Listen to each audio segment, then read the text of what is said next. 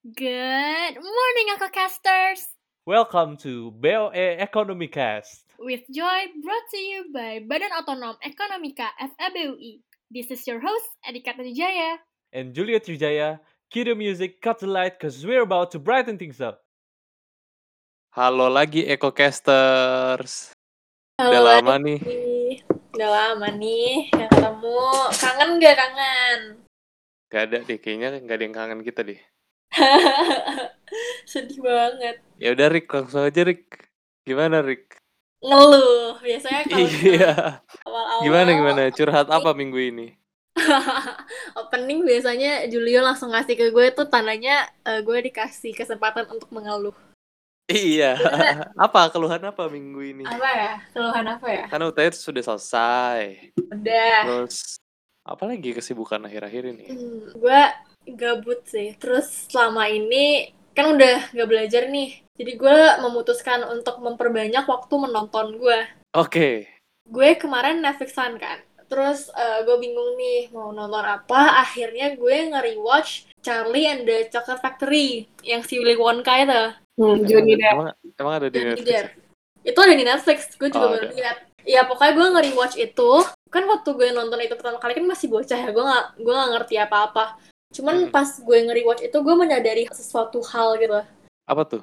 mungkin buat uh, EcoCaster yang belum nonton di Charlie and the Chocolate Factory itu ada lima anak kalau nggak salah lima anak yang terpilih buat masuk ke Chocolate Factory-nya si Willy Wonka yang which is very magical and very dreamy gitu lah semua anak pasti mau ke Chocolate Factory-nya si Willy Wonka terus uh, lima anak ini terpilih tapi dari kelima anak itu yang bener-bener baik itu adalah si Charlie ini si peran utamanya si protagonis dan keempat anak lainnya tuh bener-bener ekstrem gitu loh. Jadi kayak digambarinnya tuh si Charlie nih anak miskin yang berbakti banget sama orang tuanya, yang rajin, yang pokoknya yang kayak anak malaikat gitu. Sedangkan empat keempat yang lain tuh ada yang cuman kerjaannya main game doang, terus ada yang serakah, terus ada yang manja gitu ke orang tuanya, terus kayak bener-bener extreme end gitu. Ya gue gue paham sih ini film, cuman maksudnya apalagi ini kan film anak-anak yang menurut gue tuh penting juga kalau misalnya yang dipotray antagonis dan protagonisnya tuh nggak se ekstrim itu karena itu nggak real Maksudnya ada sih pasti anak-anak yang begitu cuman mayoritasnya tuh pasti in the middle gitu Iya. ya nggak sih Benar-benar. Dan menurut gue itu apa ya sebuah fenomena kali ya. Mungkin kalau kita ngomongin kayak bahasa sekarang tuh sebuah pandemi bahwa di industri hiburan gitu, Pandemi industri. pandemi ya pandemi bahwa the good will always win gitu loh. Justice will prevail. Ya, lo lihat aja film-film yang sangat laku di pasaran tuh kayak Avengers atau film-film superhero kayak gitu. Itu mereka they're very big on how the hero, the good will always win dan evil, the villain will always lose. Jadi seolah-olah villainnya ini tuh sangat two dimensional gitu loh. Mereka ada hanya untuk dikalahkan gitu. Ini tuh udah dari zaman dulu gitu loh. Kayak dari folklore, folklore, cerita-cerita rakyat. Ya cerita-cerita zaman dulu lah. Hmm. Itu udah kayak gitu. Ya yang baik tuh bakal selalu menang at the end. Terus yang jahat bakal kalah. Anak durhaka bakal dihukum, bakal dikutuk. Iya. At the end, the good will prevail gitu. Ya, itu kayak memberikan kita ini nggak sih gambaran kayak contohnya si Malin Kundang itu ketika lu anak jahat, ketika lu anak durhaka, itu lu akan dikutuk jadi batu gitu kan. Itu untuk memberikan pelajaran lah ke anak-anak, lu jangan Hmm. jadi orang jahat gitu kan. Dan Mhm. in a way that makes sense kalau memang audiensnya itu anak-anak kecil, anak-anak yang masih perlu pelajaran bahwa lo jangan jadi orang jahat-jahat amat gitu kan. Iya. Tapi semakin kita berkembang dewasa, masa kita dijelinnya hal yang sama terus gitu? Kita tahu juga kalau itu udah nggak realistis lagi pada usia kita yang semakin besar. Iya, karena pemikiran kita juga udah berkembang lebih kompleks dan kita udah bisa memahami hal-hal yang lebih kompleks, hal-hal yang abu-abu. Kita tuh udah bisa lihat gitu, oh ternyata warna tuh banyak, bukan cuma hitam putih gitu. Mm-mm. Gimana ya? Emang realistis sih enggak. Cuman stance gue ada beda nih sama kalian berdua. Jadi eh, menurut gue emang film ini adalah sebuah revolusi dari folklore kan dari dari cerita terus kayak biar lebih masif gitu Lebih dikonsumsinya dengan industri perfilman ini. Nah, tujuan utamanya pasti nge-promote something good kan. Emang sekarang sih emang buat entertainment juga, cuman daripada entertainment doang kan kayak nggak guna gitu. Pasti apa sih media yang semasif ini tuh harusnya dipakai ya buat promote something good. Emang itu menjadi sebuah dilema sih antara ngasih tunjuk sesuatu yang realistis atau ngasih tunjuk state ideal dari kehidupan di dunia ini. Hmm, jadi maksudnya karena mereka memiliki suara yang besar, ya power untuk mempengaruhi orang gitu, jadi mereka harusnya punya the responsibility to use it wisely gitu kan. Mm-mm, bener-bener kayak emang gak realistis ya emang dalam kenyataannya apa yang, yang jahat atau antagonisnya itu kemungkinan besar dalam kehidupan beneran tuh bakal menang ya gak sih gue sih nge, uh, 20 tahun hidup gue ngeliatnya ya gitu yang jahat kemungkinan besar menang tapi kayak itu jadi maksudnya lu lu tuh nonton karena lu tuh mau menghindar dari kehidupan nyata gitu Iya, iya, iya. tapi pas lu nonton juga lu dikasih realita jadi kayak gue sih nggak mau nonton film-film yang kayak gitu kayak ngapain anjing gue udah cukup sedih sama kehidupan gue ngapain gue nonton buat yang sedih-sedih juga Nanti makin sedih gak sih kayak dikasih harapan gitu. Ya, ya mungkin mungkin benar sih kalau kita dikasih um, film yang kayak apa namanya lebih realistis gitu, itu kita jadi nggak bisa escape gitu kan. Padahal kita melihat atau mungkin membaca buku gitu, itu um- to feel entertained gitu. Tapi memang kayak kata si Julio tadi, itu jadi kayak sebuah apa ya fake recovery system gitu loh, fake hope gitu bahwa bahwa oh ya uh, it's gonna be fine in the end gitu. Padahal kayak it's not bound to be fine in the end all the time kayak gitu. Gue recently gue nonton ini, gue nonton K-drama, Apa Ada tuh? apa tuh Apa tuh? startup, startup. Oh, startup. oh startup Jadi di episode kedua kayaknya kalau nggak Uh-uh. salah. Ceritanya si salah satu tokoh utamanya ini waktu kecilnya kan dia main saham gitu kan. Oh episode 1 kayaknya. Uangnya dari 8 juta won jadi 80 juta won dalam waktu satu tahun. Itu gue yakin sih orang yang gak punya financial lit- literasi yang baik pasti ngelihat itu kayak langsung wah gue pengen main saham Iya, iya. gue pengen dapetin 1000% keuntungan tapi kayak lu dapet 20% aja susah banget men dalam satu tahun Iya sih, bener sih. Cuman maksudnya kayak ya itu lagi, kalau buat orang-orang yang literasinya rendah, mungkin emang jadi apa ya jadi false hope itu. Cuman buat orang-orang yang ada literasi ya itu ya apa enak aja gitu loh. Maksudnya kayak lu tahu itu nggak bener tapi kayak menghibur aja gitu. ah ah, bener Hmm, kayak buat bener, entertainment aja. Kayak kayak gue tuh demen banget Emily in Paris, lo tau gak sih? Tahu, tahu, Hmm. tahu. Emily in Paris tuh Iya, iya. bener-bener gak se, se gak realistis itu terus kayak bahkan Iya. kerjaan si Emily in Paris aja nggak tahu apaan marketing cuman dia semua kerjaan dari sosial media dari marketing strategi jadi analis itu semua dia kerjain. Jadi itu sebenarnya nggak realistis banget. Cuman kayak enak gitu loh nontonnya. Kayak gue seneng gitu. Gue kayak anjing pengen jadi Emily gitu. Padahal juga kayak secara marketing juga dia salah gitu, kayak Iya. nggak sesuai gitu. dari semua sisi kehidupan dia sebenarnya salah gitu kan. Kayak Iya, iya, iya. dan sangat imajinatif. Kayak tiba-tiba punya tetangga ganteng banget gitu kan. Kayak tuh imajinatif banget bener Padahal di bangunan tua gitu kan. iya bener banget. Berapa sih kemungkinan lu bisa menemukan Gabriel di samping rumah lu gitu kan? Iya, Udah gitu dia ini ternyata koki terbaik se, se Oh. Prancis. iya bener Terus si Gabriel ini nggak sekolah formal. iya tapi gue pengen kayak gitu gue pengen jadi Emily gue pengen ketemu Gabriel gue Sebenarnya banyak sih ya film-film yang kalau kita telaah tuh realistically nggak masuk akal gitu. Tapi ya emang mereka menghibur aja. Makanya kalau istilahnya temen gue, dia tuh bilang you need to be able to take things at face value gitu. Kalau mereka menghibur ya udah mereka menghibur aja, nggak usah lu pikirin kayak ini realistically itu harusnya gini gini gini gitu. Kalau lu bisa take things at face value, you will be a much much happier person daripada lu kayak harus memikirkan baik dan buruk tuh nggak gini tahu bla bla bla terus gue kayak ya oke gue setuju tapi tapi menurut gue ada sesuatu yang mengkhawatirkan gitu kalau kita terus-terusan berpikir bahwa happy ending will always be ours gitu dalam cerita hidup kita karena kita kan nggak tahu kalau ternyata kita itu protagonis di kisah hidup kita tapi kita antagonis di kisah hidup orang lain gitu kan karena moral kompas orang tuh beda-beda antara what constitutes as good, what constitutes as evil kayak gitu. Oh iya, ini ini mirip nih. Gue kemarin nonton video di YouTube dari Harper's Bazaar Indonesia Mm-mm. eh, ngewawancarin Abimana Arya Satya dan Rifnu Wikana. Nah, mereka ini kan kayak aktor besar yang sering bermain dengan sutradara besar juga kan. Nah, Iya. mereka tuh bilang kalau kayak sutradara yang anjing yang ngasih tahu kayak "Eh, lu mainin peran ini ya, lu mainin peran Rio ya. Nah, Rio ini antagonis. Aktornya tuh pas dikasih tahu peran lu tuh antagonis, dia tuh bakal nggak nggak tahu, dia bakal di otaknya tuh bakal langsung kayak oke gue harus berperan jahat kayak gitu. Jadi Iya, iya. imajinasinya langsung ketutup gitu tentang perannya dia.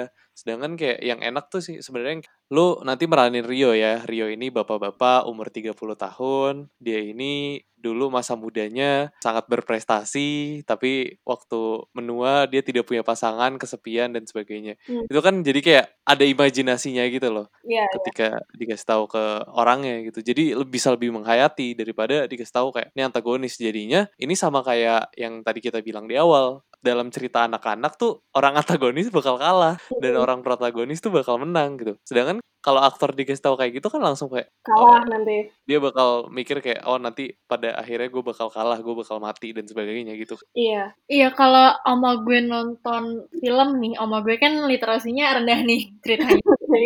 Bukan ceritanya sih, emang emang rendah gitu kan. Terus kalau misalnya dia nonton seseorang yang yang jahat nih, maksudnya pandangan dia ke antagonis suatu sinetron atau suatu film tuh pasti selalu jelek gitu loh. Terus selalu dia dia korelasiin sama orangnya, wah nih orangnya mukanya emang kayak bangsat, makanya cocok jadi eh, antagonis jadi orang jahat gitu dan apa ya Iya. maksud tuh jadi kayak gak adil aja buat aktor-aktor antagonis ini kayak dia dia bisa bikin orang percaya kalau dia beneran bangsa tuh kan berarti dia aktingnya bagus. Dia emang berbakat dalam industri ini. Cuman tetap aja image dia pasti tuh akan jadi jelek di mata yang nonton gitu. Nonton. mungkin yang rendah. Ini sih yang gue perhatikan itu industri hiburan maupun kayak penulis gitu, mereka tuh lebih sering menggambarkan orang jahatnya atau villainnya itu sebagai kayak this very two-dimensional karakter gitu loh, yang nggak punya depth, yang kayak aku akan merebut hartamu. iya iya Tapi nggak nggak ada depth-nya gitu loh, nggak nggak diceritakan apa ya, what makes them bad, bukan apa yang menjadikan mereka orang jahat ya, tapi what makes them bad gitu loh. Kenapa kok mereka bisa diklasifikasikan sebagai orang jahat gitu kan? Yang yang gue suka itu ketika ada film atau kayak sebuah cerita yang menceritakan in depth gitu si villainnya ini tuh kayak gimana sih? Bahwa dia tuh bukan cuma sekedar karakter sampingan untuk dikalahkan oleh protagonisnya gitu loh. Kayak contohnya si Joker gitu kan. Dia tuh sangat memanusiakan si villainnya ini gitu loh. Bahwa Hmm. they're also humans yang bisa ber- berbuat kesalahan dan ya kadang-kadang sometimes you cannot help them. Not everyone can be helped dan not everyone will receive happy ending kayak gitu. Menurut gue benar sih kayak yang dibilang Erika tadi, peran-peran antagonis itu biasanya actingnya berarti sangat luar biasa gitu kan. Dan gue pengen melihat lebih banyak lagi tokoh-tokoh antagonis yang diportray dengan tidak dangkal gitu loh. Ini si Joker ini kan walaupun dia antagonis, maksudnya dia secara digambarkan sebagai orang yang jahat gitu kan, villain ya kan. Iya. Tapi secara karakter dia tuh kompleks gitu diceritakannya kayak diceritain dile- dilema-dilema yang dia punya. Gak cuma kayak yang tadi itu yang kayak aku akan mengambil hartamu. kayak orang tuh nggak bener-bener jahat karena dia emang purely jahat gitu kan. Kayak ada alasannya kenapa dia jadi jahat Iya. dan pasti dia nggak jahat karena alasan yang cuma oke gue suka berlaku kejahatan gitu. Gue emang orangnya kriminal aja gitu. Kan nggak mungkin emang pengen aja gitu kan pengen jahat aja Ini iya ini sesuatu yang menarik sih karena eh, yang dibilang Julio tadi itu berarti kayak men are not naturally evil gitu kan. Jadi tuh ada dua pandangan gitu, pandangannya Hobbes sama pandangannya Rousseau. Kalau Hobbes itu dia bilang bahwa men are naturally evil. Sementara kalau menurut si Rousseau ini evil itu adalah the product of system gitu. A failed system menghasilkan orang-orang yang evil. Makanya mm, film-film kayak Joker atau kayak film-film yang menggambarkan villainnya ini adalah mereka korban dari suatu hal apa-apa gitu, apa karena kelas sosial atau kayak korban dari kapitalisme. Itulah yang menyebabkan orang menjadi jahat karena mereka tuh jahat ada motivasinya gitu loh. Emang emang kayak Nick Andy bilang Milan sih sebenarnya. Itu menurut gue preferensi sih. Kalau misalnya kalian mungkin ecocasters juga ada yang sukanya nonton sesuatu yang realistis. Teman ada juga orang yang sukanya mengandai-ngandai gitu. Kayak gue kayak nggak suka kalau misalnya uh, antagonisnya tuh yang menang. Karena kayak kita butuh sesuatu pegangan gitu. Kita butuh hope gitu. Kalau misalnya emang humanity itu masih ideal humanity itu masih bagus gitu. Kayak contohnya kayak Glee deh. Kayak gue tuh gue tuh suka nonton Glee kan karena gue suka musikalnya sih. Cuman jadi di Glee itu tuh uh, tim peran utamanya adalah Kenapa dia dikelitikin? uh, geli. lucu. Jokes bapak bapak lu lucu. Oke jadi di, di Glee ini tuh peran utamanya adalah Glee Club di McKinley High School kan. Jadi nama Glee nama klubnya tuh New Directions. Nah menurut gue New Directions nih sampah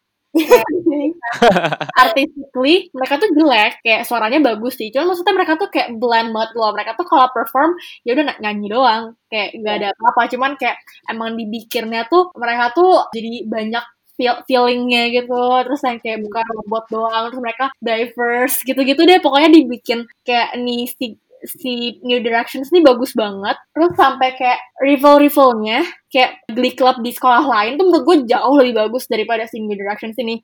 Cuman mereka tuh selalu dibikin diceritain ada sesuatu yang bikin mereka terlihat jahat gitu lah misalnya kayak leadernya tuh sampah banget. Hmm. Sikapnya ke member-membernya. Atau satu satu satu klub itu isinya tukang bully semua. Kayak selalu dibikin kayak gitu dan ujung-ujungnya si New Direction selalu menang. Padahal menurut gue tuh kayak gak masuk akal banget karena rivalnya tuh jauh lebih bagus daripada si New Directions ini. Kan ya again itu tadi kayak menurut gue nggak bakal ada yang mau nonton kalau misalnya si New Directions ini nggak menang. Karena apalagi Glee ini tuh menurut gue message terdalamnya adalah mereka tuh mau kasih suara ke minoritas gitu kan. Iya. Tapi kok tak ujung-ujungnya mereka kalah itu kayak nggak bakal ada yang mau nggak bakal ada yang mau nonton karena ya itu emang udah kenyataannya kayak gitu tapi gue butuh escapism gitu untuk kayak kasih hope gitu lah setidaknya ke gue Iya ya. Kayak kata lu tadi sebenarnya mereka sampah, tapi karena mereka protagonis mereka harus menang. bener banget karena itu idealnya emang kehidupan tuh kayak gitu Iya, Sekarang tuh jadi semua orang jadi mikir kalau kita tuh protagonis jadi bener. Iya, jadi tenang Semua aja. mau menang. Suatu waktu juga gue bakal menang. Iya, padahal kita bisa aja kita adalah pemeran sampingan di, di cerita orang lain, terus atau bahkan kita antagonisnya, kan who knows gitu kan. Atau nggak kita cameo lewat doang. ada tuh kuisnya di BuzzFeed quiz buat nyari tahu lo peran utama bukan di kehidupan lo. Anjir, kacau banget kalau gue bukan pemeran utama di kehidupan gue, siapa dong yang utama? Mak lu. Oh iya lo. Iya sih, mungkin implikasi dari terlalu banyak mengkonsumsi movies Gula. sang- ya gula bisa jadi gula ya. Jadi obesitas. Mm-mm. Oke maaf. Udah Jul, udah, udah, maaf, maaf.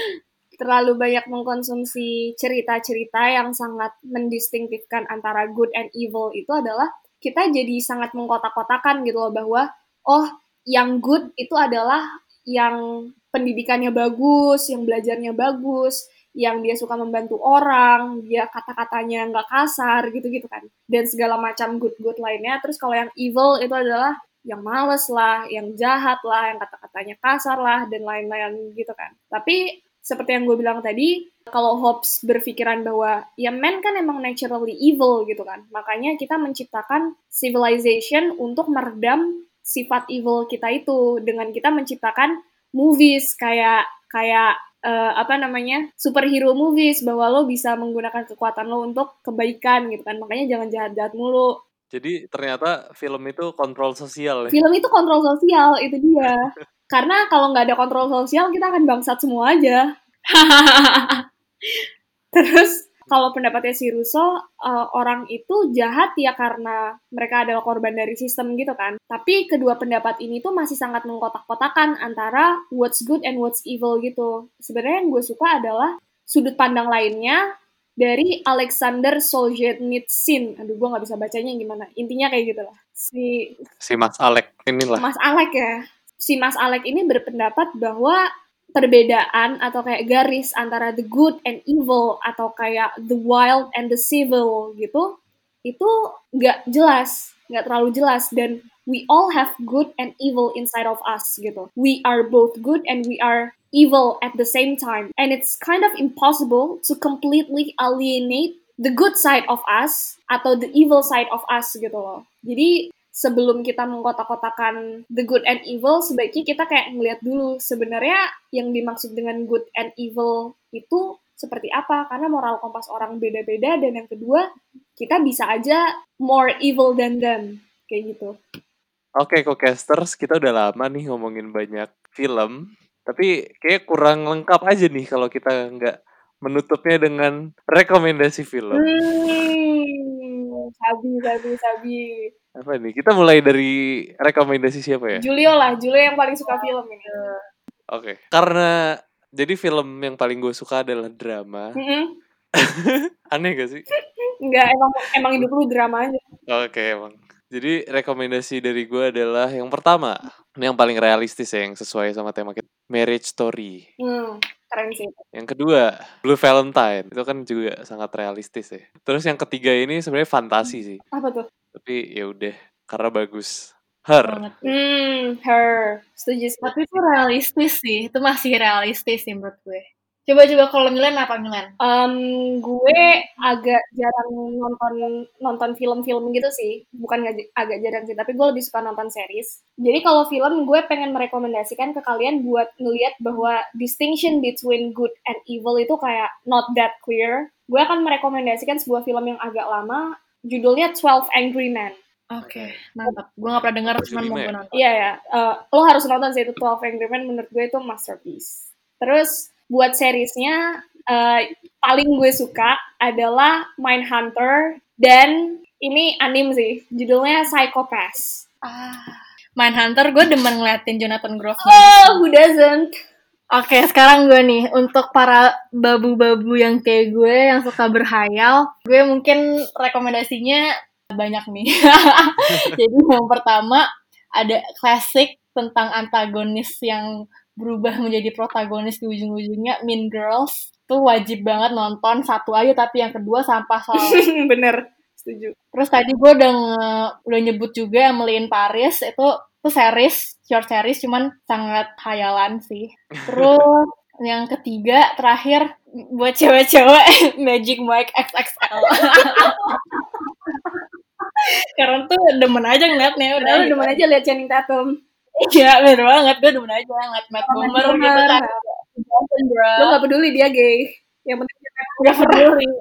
Gue di kayalan gue dia gak gitu. Emang, emang kita film apaan sih? Ini nih gue lagi nge-google. Ini apa? film stripper. Coba Magic Oke, Mike tuh film stripper. Tapi cowok-cowok yang stripper, yang yang strip Gitu. Oke, EcoCasters, terima kasih sudah tune in dengan kami untuk episode kali ini. Ambil yang bagus dan ya bagus semua sih, jadi ambil aja semua. jangan lupa nonton film-film rekomendasi kami tadi dan jangan ragu dengan kami. karena sudah sebatas kata-kata bukan budaya bukan kami. kami. See you in the next episode. See you at the next episode. Bye-bye. Bye-bye. Film biru. Biru. Rekomendasi film biru. itu eh enggak jangan. Suruh itu jadi itunya cuman aneh juga. Judulnya Jadi apa? rekomendasi film biru. Smurf. Smurf.